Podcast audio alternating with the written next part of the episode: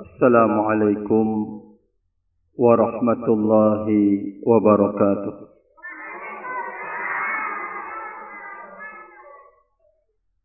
الحمد لله الذي أرسل رسوله بالهدى ودين الحق ليظهره على الدين كله وكفى بالله شهيدا. أشهد أن لا إله إلا الله وحده لا شريك له إقرارا به وتوحيدا وأشهد أن محمدا عبده ورسوله صلى الله عليه وعلى آله وسلم تسليما مزيدا أما بعد.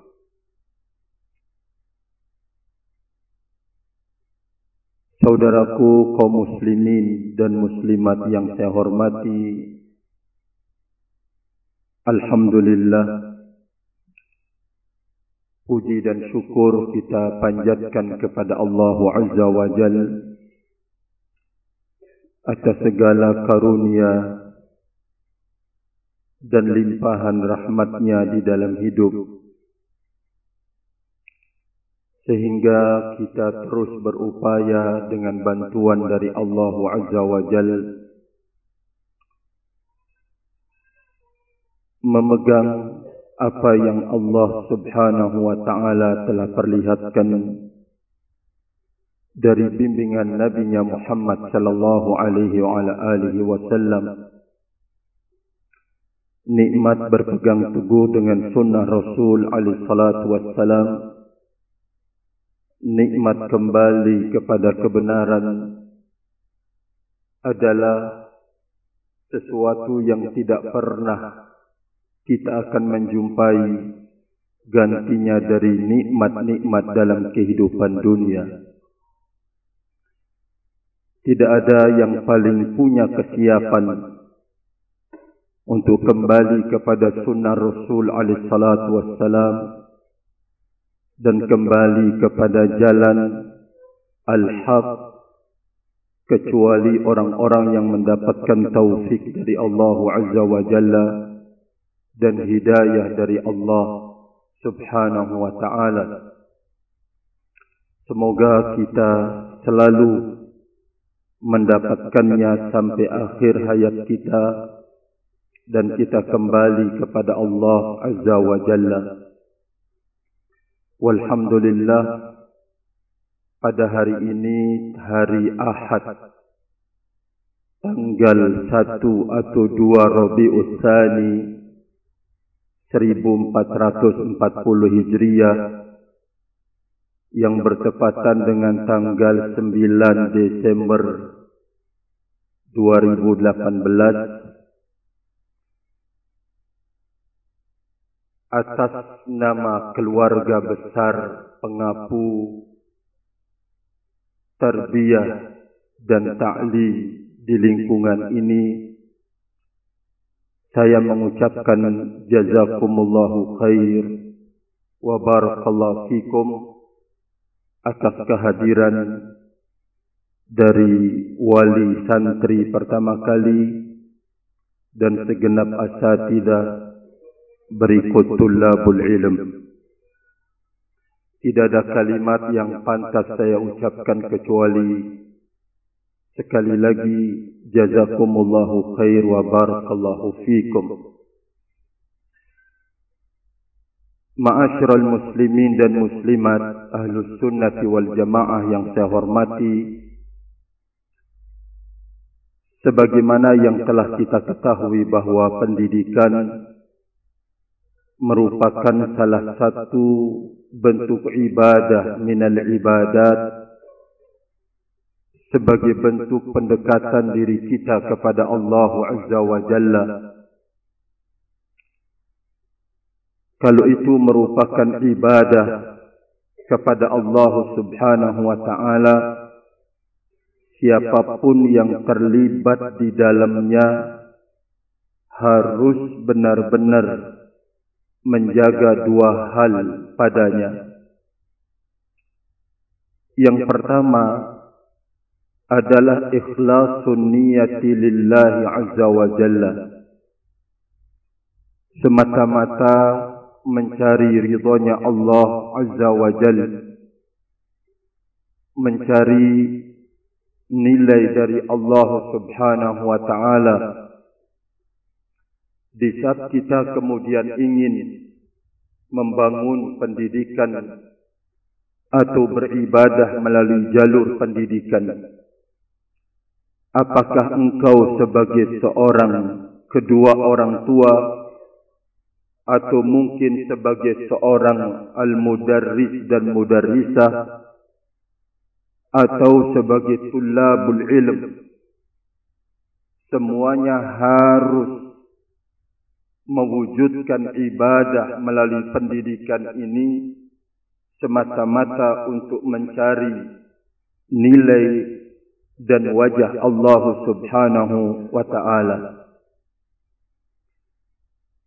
Tidak menginginkan seorang mudarris gaji padanya atau mudarrisah karena imbalan dalam setiap bulannya barakallahu fikum. Kita akan berbicara sungguh betapa kecil nilai dunia yang diberikan kepada mereka-mereka barakallahu fikum dibanding dengan apa yang mereka korbankan. Tapi kita tahu nilai yang dipersiapkan oleh Allah Azza wa Jalla buat mereka lebih besar dari hitungan dunia barakallahu fikum. Oleh karena itu saya mengingatkan bahawa tarbiyah itu merupakan ibadah min ibadat harus dibangun di atas dasar keikhlasan semata-mata mencari ridhonya Allah Azza wa Jalla. Kedua,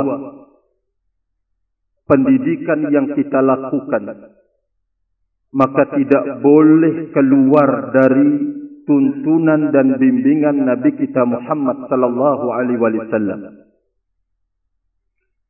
Jangan sampai ada seorang guru pengapu dakwah keluar dari tuntunan Nabi alaihi salatu wassalam atau mungkin murid yang terdidik atau kedua orang tua yang dibantu untuk mendidik lalu keluar dari tuntunan dan bimbingan Nabi kita Muhammad sallallahu alaihi wasallam maka di saat kita sama-sama menjaga dua landasan ini berarti kita sama-sama peduli terhadap tarbiyah itu merupakan ibadah minal ibadah. Ibadah dari ibadah kepada Allah Azza wa Jalla. Taqarrub kepada Allah Subhanahu wa taala.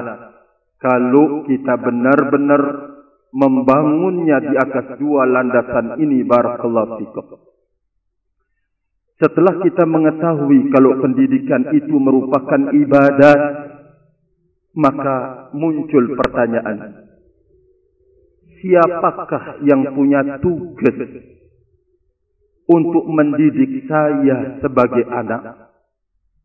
Siapa? Barakallahu fikum di pundak siapa amanat pendidikan seorang anak putra dan putri itu? Maka jawabannya adalah firman Allah Azza wa Jal, Ya ayyuhalladzina amanu ku anfusakum wa ahlikum nara. Wahai segenap orang-orang yang beriman, jagalah diri kalian dan jagalah keluarga kalian dari api neraka. Allah Azza wa Jalla menitipkan amanat terkait dengan pendidikan terhadap tentu pertama kali sang al-ab seorang bapa barakallahu fikum untuk kemudian menjaga dan melindungi keluarganya, istri dan anak keturunannya dari api neraka. Ini yang harus kita sadari. Rahimani wa rahimakumullahu jami'an. Karena akan terkait banyak hal padanya. Di saat kemudian ada orang yang mau ringan tangan mendidik anak kita meringankan beban kita dalam mengawasi dan mendidik anak kita maka tentu kita terkait sebagai kedua orang tua dengan ayat yang lain yaitu wa ta'awanu 'alal birri wat taqwa. Wa la ta'awanu 'alal itsmi wal udwan. Maka keberadaan pondok pesantren dan pendidikan di dalamnya bersama dengan mudarisin dan mudarisat mereka itu telah meringankan diri-diri mereka untuk ingkut nimbrung membantu dalam pendidikan dan melonggarkan kewajiban dari kedua orang tua dalam pendidikan anaknya. Kalau ada kedua orang tua mampu mendidik anaknya sendiri dan dia mau ajar di rumah, ahlan wa sahlan. Kita sangat-sangat bersyukur. Maka jikalau engkau tidak punya kemampuan, lalu kemudian di sana ada saudara engkau yang ingin membantu engkau untuk kemudian meringankan beban itu, bukan berarti bahwa tanggung jawab pendidikan yang di pundak kita sebagai kedua orang tua pindah tangan dan pindah tempat sama sekali tidak. Maksudnya bahwa jangan sampai kita menganggap dengan dididiknya dan dibantunya kita kalau anak kita kurang, anak kita nakal, yang disalahkan terus pendidikan yang disalahkan adalah ustaz-ustaznya atau ustazah-ustazahnya. Makanya apa sih yang diajar di pondoknya? Bagaimana sih pendidikannya? Bagaimana, bagaimana? Tidak punya rasa malu sedikit pun. Di saat kemudian menyalahkan barakallahu fikum orang yang akan membantu dan meringankan beban dia. Kalau sekiranya dia menemukan kekurangan bisa ditolong dan dibantu, maka kedua orang tua itulah yang melengkapinya. Kedua orang tua itulah yang menambelnya. Karena kewajiban dia untuk menyempurnakan pendidikan barakallahu fikum pada anaknya.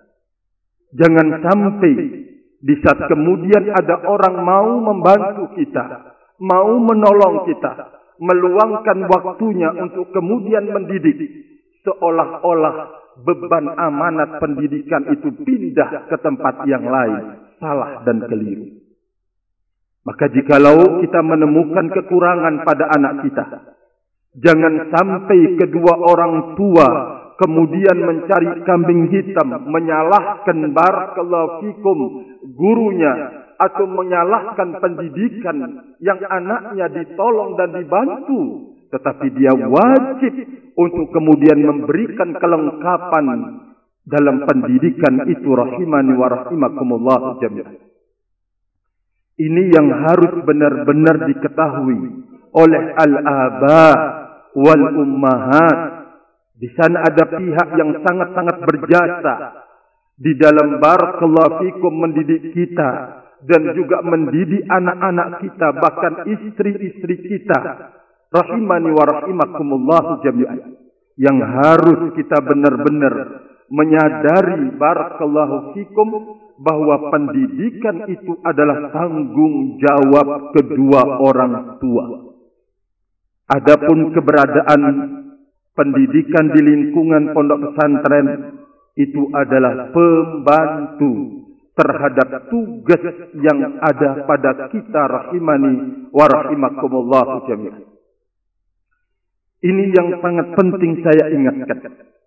Agar jangan sampai kemudian ada kedua orang tua memfitnah, menjatuhkan, mencela, mengadu domba dan seterusnya terkait dengan kemampuan orang-orang yang membantu dan menolong dia di dalam meringankan beban barakallahu fikum pendidikan tersebut. Yang kedua, saya mengingatkan lebih tertuju kepada al-mudarrisin dan mudarrisat. Tidak ada kata dan kalimat yang pantas saya ucapkan secara pribadi. Jazakumullahu khair wa barakallahu fikum. Yang telah melonggarkan waktunya. Yang dia siap duduk mulai dari pagi. Kemudian sampai surinya barakallahu fikum diselengi dengan istirahat. Bahkan di antara mereka ada yang duduk malam untuk kemudian mendidik segenap ikhwanuna Sungguh betapa besar perjuangan mereka di dalam memikul amanat dakwatu ilallah azza wa jalla. Maka jangan ada tulab yang menyakiti mereka. Jangan ada wali santri yang menyakiti mereka. Jikalau anda menemukan kekurangan pada mereka, kewajiban engkau untuk mengingatkan. Kewajiban engkau untuk mendatangi dia mengingatkan barakallahu fikum kalau pada pendidikan atau mereka mendidik anak engkau mendidik istri engkau mendidik dirimu padanya kekurangan maka anda wajib untuk kemudian mendatangi dia rahimani wa rahimakumullah jami'an maka barakallahu fikum saya mengingatkan kepada segenap mudarrisin dan mudarrisat apa yang itu menjadi imbalan. Saya yakin tidak akan pernah mencukupi keluarga engkau. Tidak pernah akan mencukupi barakallahu fikum apa yang engkau menjadi kebutuhan yang menjadi kebutuhan engkau. Tetapi semoga kesabaran engkau wahai segenap mudarrisin dan mudarrisah untuk kemudian menjalankan roda dakwah ini barakallahu fikum lalu dianugerahkan rasa cukup padanya dan saya yakin engkau tidak akan melirik itu semua. Yang engkau lihat adalah nilai besar yang dipersiapkan oleh Allah Azza wa Jalla. Dari buah cukuplah apa yang disebutkan oleh Nabi sallallahu alaihi wa ala alihi wasallam. Idza mata ibnu adam inqata'a amaluhu illa min thalathin min sadaqatin jariyatin aw ilmin yuntafa'u bihi aw waladin salih. Seorang mudarris dan mudarrisah ada peluang untuk masuk ke dalam hadis ini di saat dia memberikan manfaat kepada anak muslimin dan muslimat diambil manfaat itu diambil pengajarannya maka dia benar-benar telah menanam amal jariyah barakallahu fikum. Cukuplah apa yang disebutkan oleh Nabi sallallahu alaihi wasallam man dalla ala khairin falahu ajru mithlu fa'ili siapa saja yang mengarahkan mengajak bahkan sampai memarahi siapapun yang menjadi penyebab orang lain itu baik maka baginya adalah barakallahu fikum kebaikan kata Rasul alaihi salatu wassalam. maka segenap mudarrisin dan mudarrisah berbanggalah dengan apa yang disebutkan oleh Allah azza wajalla bahwa perjuangan engkau adalah besar barakallahu fikum semua pemimpin-pemimpin dunia dan juga pemimpin agama terlahir dari pak guru dan bu guru. Maka jika engkau membimbing umat ini di atas apa yang diridhai oleh Allah Azza wa Jalla, bukankah itu amal besar untuk melahirkan orang-orang besar buat dirinya sendiri dan buat masa depan dakwah sunnah rahimani wa rahimakumullah. Maka sekali lagi saya mengatakan kepada segenap mudarrisin dan mudarrisat, lindungilah diri kita, jaga niat-niat kita. Engkau telah mengukir yang terbaik di dalam hidup. Kebaikan itu buat diri engkau wahai para mudarrisin dan mudarrisat dan juga akan dimanfaatkan kebaikan engkau buat anak-anak didik kita. Semoga itu semua menjadi penyemangat dan menjadi pendorong serta pembakar semangat kita untuk terus melaju dan melesat bagaimanapun ujian dan cobaan barakallahu di dalam hidup. Karena yang kita kejar bukan karena kedudukan, bukan karena posisi, bukan karena gelar, bukan karena nama, bukan karena punya kedudukan di hati orang-orang. Yang dikejar adalah untuk mencari ridhonya Allah Azza wa Jalla. Maka sabarkan wahai segenap mudarrisin dan mudarrisat untuk terus membimbing dan mengajarkan anak-anak muslimin dan muslimat. Semoga Allah Azza wa Jalla membalasnya dengan berlipat-lipat dari apa yang telah dikorbankan rahimani wa rahimakumullah. Demikian juga kaitannya saya mengingatkan kepada segenap uh, al-aba wal ummahat wali-wali santri barakallahu fikum yang telah memberikan dukungan maksimal terhadap pendidikan dan ikut menjaga kewibawaan dakwah ini dan menjaga putra-putri kita keberlangsungan dan istiqomahan mereka di atas al-haq maka tidak ada kata dan kalimat kecuali jazakumullahu khair. Wa barakallahu fikum. Semoga Allah azza wa jalla membalas dengan sesuai dengan perjuangan dan pengorbanan. Barakallahu fikum yang diberikan kepada segenap tulabul ilm. Juga saya tidak henti-hentinya mengajak barakallahu fikum untuk kita bersemangat belajar agama Allah Azza wa Jalla. Ingat sekarang engkau belajar agama engkau akan memetik buahnya. Di saat engkau berhadapan dengan ujian-ujian dunia ujian-ujian yang terkait dengan akhirat kita. Maka ilmu inilah yang akan menjadi tameng. Amal kita inilah yang akan menjadi tameng. Kita berharap kalau dari kita semuanya yang kemudian memberikan dukungan terhadap dakwah ini lahir anak-anak soleh dan solehat amal jariah barakallahu fikum buat kita semuanya. Dan abnai wa banati semuanya harus merasa bangga. Karena orang yang seumuran dengan kalian sekarang ini sekali lagi dengan kemajuan media sosial hancur lebur hidupnya.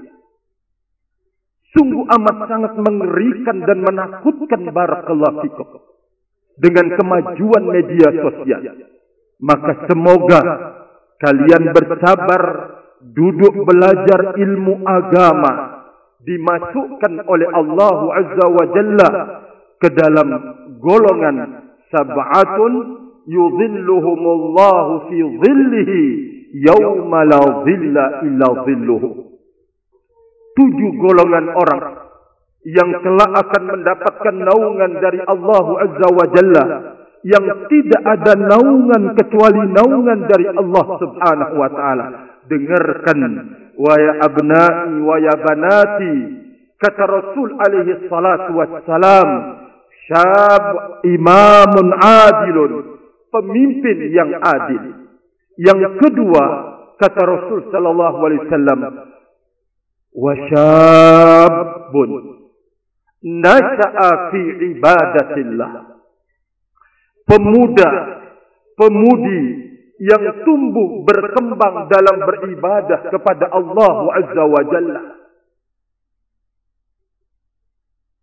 Antum ya abna'i wa ya banati dimarahi karena ibadah. Antum dicubit, dijewer karena persoalan ibadah ditegur karena persoalan ibadah kepada Allah Azza wa Jalla. Kenapa? Karena lingkungan yang kalian berada padanya adalah lingkungan yang baik biiznillah. Orang-orang yang berada pada lingkungan yang baik ini adalah orang-orang yang baik pula. Pertama kali terdepan adalah guru-guru antum barakallahu fikum dan mudarrisah-mudarrisah antunna yang melihat, yang mengajar, yang memarahi, yang mencubit. Mereka adalah teman-teman kalian yang terbaik. Maka jangan sekali-kali barakallahu fikum kalian mencela mereka, menganggap enteng mereka, menganggap remeh mereka, jangan.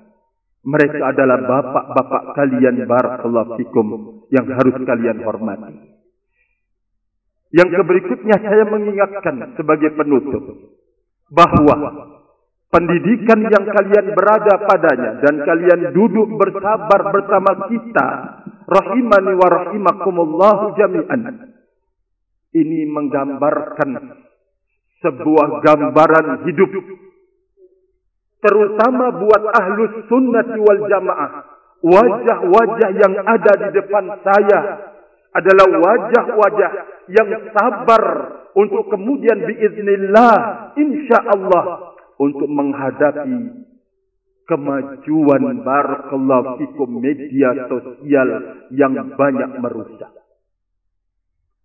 Maka oleh karena itu jangan sekali-kali mencoba di lingkungan pondok pesantren selama kalian berada dalam masa pendidikan untuk ngakali, untuk mendustakan barakallahu fikum, untuk berbuat jelek, kemudian mencoba ingin melakukan sesuatu yang kalian dididik, dijaga, dipelihara dan dilindungi, maka itu adalah kegagalan buat engkau. Kalau saja di lingkungan yang ada aturan padanya, engkau berani memberi melanggarnya, bagaimana lagi kalau engkau berada dalam kebebasan? Tidak ada aturan lagi yang mengikat. Tidak ada yang akan memarahi. Kedua orang tua memberikan dukungan. Tidak ada lagi yang mengingatkan. Maka tentu akan lebih sangat-sangat berbahaya. Maka oleh karena itu, saya mengucapkan banyak-banyak terima kasih kepada segenap tulab dan talibat yang telah menyabarkan dirinya untuk duduk bersama sama kita mengkaji agama Allah Azza wa Jalla saya tutup dengan pesan Nabi sallallahu alaihi wa ala alihi wasallam may yuridillahu bihi khairan. Terus? Ha? Yufaqihu fid din Barang siapa yang Allah menginginkan pada seseorang khairan kebaikan. Kebaikan sekecil apapun. Seberat apapun. Sebesar apapun. Setinggi apapun. Kebaikan di dunia dan kebaikan akhirat. Siapapun yang Allah inginkan padanya. Kip. Apa barakallahu. Allah ajarkan jadikan dia faqih dalam agama. Allah jadikan dia berilmu barakallahu fikum dalam agama rahiman wa rahimakumullah. Perhatikan baik-baik hadis ini ya abna'i wa ya banati. Kata-kata mayyuridillahi di sana tersurat sebuah makna yang sangat dalam bahwa orang yang belajar ilmu agama benar-benar taufik dari Allah Azza wa Jalla. Man yuridillah siapa saja yang Allah inginkan pada seseorang kebaikan benar-benar taufik dari Allah Subhanahu wa taala. Benar-benar hidayah dari Allah Subhanahu wa taala. Ini yang harus dicamkan baik-baik agar kita mengerti barakallahu fikum bahwa tidak mungkin taufik itu kita akan peroleh kalau kita sendiri tidak punya kesiapan untuk kemudian mendapatkan taufik dari Allah Azza wa Jalla. Yang kedua kata Nabi sallallahu alaihi wasallam Allah berikan faqih di dalam agama. Coba lihat penjelasan para ulama Orang yang faqih itu bukan orang yang mampu sardul adillah. Mampu menghafal Al-Quran, mendatangkan hadis, akwal para ulama, abadan. Bukan itu yang dimaksud. Orang yang faqih adalah orang yang mengamalkan apa yang dia telah ketahui. Orang yang belajar ilmu, lalu dia amalkan apa yang dia pelajari dia berilmu dan mengamalkan ilmunya itu benar-benar taufik dari Allah Subhanahu wa taala. Maka sekali lagi bahawa hadis Nabi sallallahu alaihi wasallam mengingatkan kepada abna'i wa banati bahawa taufiklah yang telah memanggil kita untuk belajar agama Allah Azza wa Jalla. Tidak ada gelar yang disiapkan di pondok Al-Imam Syafi'i. Dan juga pondok Al-Imam Syafi'i bukan satu-satunya tempat kemudian orang uh, bagi orang yang telah mendapatkan taufik. Terlalu banyak tempat-tempat ahlus sunnah wal jamaah ma'at-ma'atnya. Ustaz-ustaznya a'lamu minna lebih berilmu dan lebih takwa barakallahu fikum dari kita. Kalau kalian ya abna'i wa ya banati tidak kemudian menjumpai dan menemukan apa yang kalian ingin cari, maka di sana ada pondok-pondok yang lebih baik, yang lebih bagus, yang lebih tinggi. barakallahu fikum. Untuk kalian bisa belajar dan menyambung pendidikannya rahimani wa rahimakumullah jami'an. Kita bersama segenap asatidah saya dan bersama segenap asatidah.